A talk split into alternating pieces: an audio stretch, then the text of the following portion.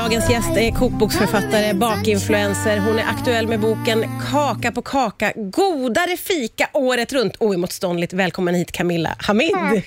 Och du har med dig den fina boken som är helt, den är ju magiskt vacker och tjock. Här har du fått med mycket fika. Ja, det här är liksom min stora bakbok, det som jag alltid har velat göra. Vad roligt. Stort Ja. grattis till det. Du har också med dig fika. Du bär in Mm. en stor kartong i studion. Man blir så nyfiken på vad det är. Det, alltså, det, kartongen luras lite. Ja, det var den minsta jag hittade, men den är jättestor. Ja. Jag har gjort en citronmassarintårta med mascarpone-frosting och nu står jag här och dekorerar med passionsfrukt, Alltså, hallon och citronmeliss. Ja, det är helt magiskt. Det, det, såna här gäster vill man ju bara ha hela tiden, Camilla. Men du, får jag fråga, varifrån kommer din kärlek till att baka? För jag upplever att det är en stark kärlek du har. Nej, men alltså, helt ärligt så började det bara som ren problemlösning. Mamma var ensamstående, vi hade inte riktigt råd att fika. Mamma hatade att baka, älskade att laga mat. Så det var, alltså helt ärligt så bara sa hon, okej om du är fikasugen får du lösa det själv. Ja, så du fick baka mycket som Ja, barn helt exakt. enkelt. Kommer du ihåg vad du tyckte om att baka när du var liten? Jag älskade att baka kladdkaka, för att jag var bara så här chokladaddikt, är fortfarande. Eh, men bullar också. Ja. Alltså jag la mycket tid. Nu tänker jag efter, bara, vad hade jag, jag, gjorde jag inte mina läxor? Men du, du kunde njuta av själva bakningen även Ja, som ja, barn? Ja. Det var liksom inte bara för att få äta det goda Nej, sen? för då blev jag också lämnad i fred av mina tre syskon. Ah, alltså det var som lite egen tid? Ja, precis. Alltså jag har läst någonstans att du har sagt att bakning är som KBT för dig. Har det, Det liksom funkat så i, i ja, 100%. vuxen ålder? På vilket sätt skulle du säga att det har?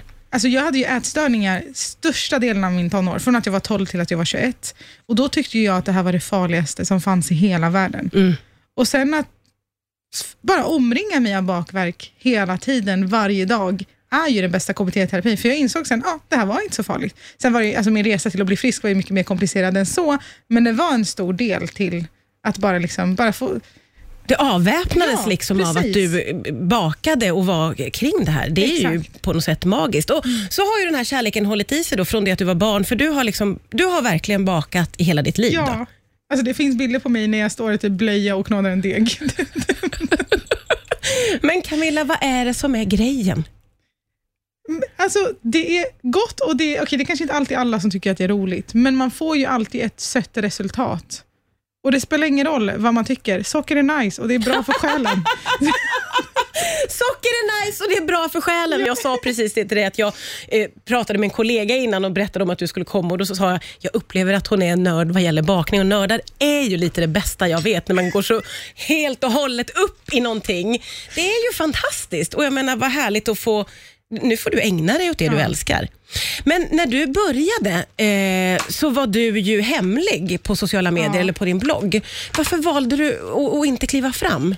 Nej, jag var bara jätterädd. För att, alltså, elefanten i rummet, jag har sjal på mig och det är oftast ett problem. Det har varit det. Sen försöker jag att inte tänka på det, men för mig var det bara en liksom ren överlevnadsinstinkt, för jag tänkte om jag får ett visst bemötande ute på gatan, då är ju sannolikheten att jag får det på internet ännu större. Alltså du valde bort det för Ja, att få ja. vara liksom i fred med di, din, ditt Ja, jag intresse? Ville, för jag ville bara baka, jag ville bara lägga upp det, jag ville inte bli dömd för något annat. Det är liksom min bakning utan parenteser. Mm. Jag minns att jag fort, alltså så här, när jag skulle ta bilder på ett bakverk och jag typ skulle ha en hand, då var jag så här jätteförsiktig med att typ min sjal inte fick synas, för jag ville inte att någon skulle lista ut att jag var muslim. Ah, men sen så kom du ju fram, ditt ansikte kom Ja. fram, i, för du blev väldigt framgångsrik ska man säga. Det gick ju väldigt bra. Ja. Eh, och sen så fick du liksom komma ut med ditt ansikte. Hur blev det då?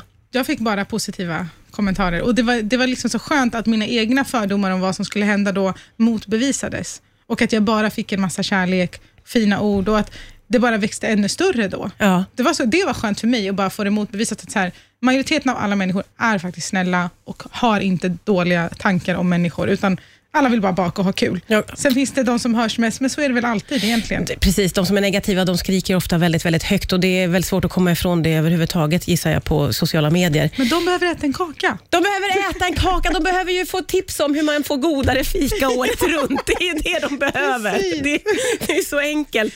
Du, eh, ditt Instagram är ju underbart. Jag sa det till dig, jag kan sitta där och bara scrolla för att det är så otroligt vackra bilder på underbara bakverk. Men du sticker också in lite humorklipp skulle jag vilja påstå. Hur kommer det Jag sig? förstår inte vad du menar. Taget ur din vardag bara. Nej, men jag, jag, så här. Jag är... Alltså jag gillar att pranka min man främst. Det, det framgår lite. Ja, jag tycker det är jättekul. Han, han är också så här, han är inte på sociala medier, så han ser ju inte de här pranksen som cirkulerar. Så han är det ultimata offret. Ah, tacksamt. Men sen, jag vet inte, jag har alltid varit så här Lattjo Jag har alltid varit det. Och jag försökte väl så här, hålla undan det ganska länge, för jag var så här, att det skulle vara lite mer seriöst. Ja. En seriös recept-Instagram. Det gick ju inte så bra för mig. För nu, ja, det har blivit mer och mer Lattjo låda ju mer tiden går. Ja, jag, jag skulle säga att man uppskattar det. Man Ja, uppskattar bra. jättevackra bakverk och sen plötsligt asgarv. Det är inte tråkigt. Riks FM. Riks FM. Det är Camilla Hamid som gästar idag, bakinfluencer. Också aktuell med boken Kaka på kaka. Godare fika året runt. Otroligt generös och härlig person som alltså har med sig en hel tårta som du har stått och dekorerat på här medan vi pratar.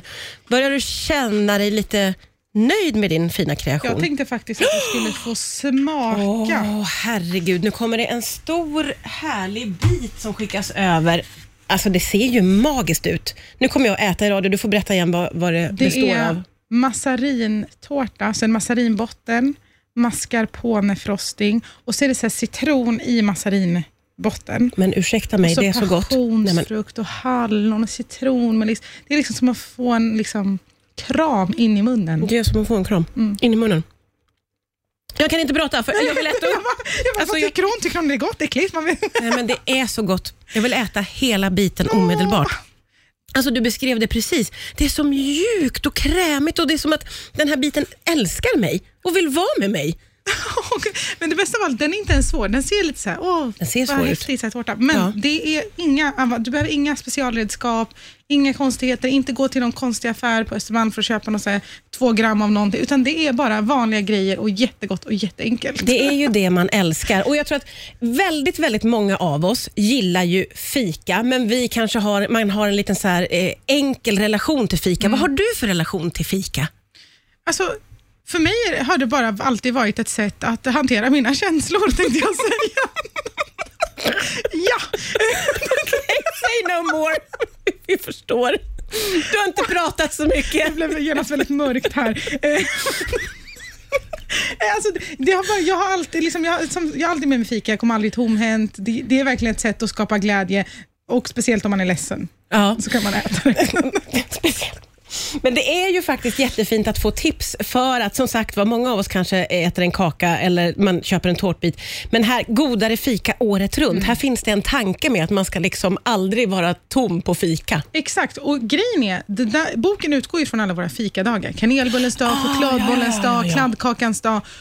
Och det är typ så här, oavsett vad så firar ju alla på något sätt de här dagarna. Man kanske inte drar på med pompa och såt, men man går och köper en kanelbulle Oh, ja. kanelbullens dag, eller står och bakar hemma. Ja, ja. Det tycker jag är så fint. Och jag insåg att det finns ingen bok som bara samlar det här konceptet och den här starka kulturen av att vi firar våra bakverk i Sverige. Så jag känner, nu tar jag saken i egna händer och gör en sån bok. Du har gjort helt rätt. Boken är helt magiskt vacker. Jag ser så fram emot att få bläddra mer i den och hem och baka någonting. Det Och tycker jag. jag, måste, jag måste avbryta intervjun för jag måste få äta upp den här biten som jag har fått. Jag kan inte motstå den. Alltså Camilla Hamid, tusen miljoner tack för att du kom till Tack FM idag. själv.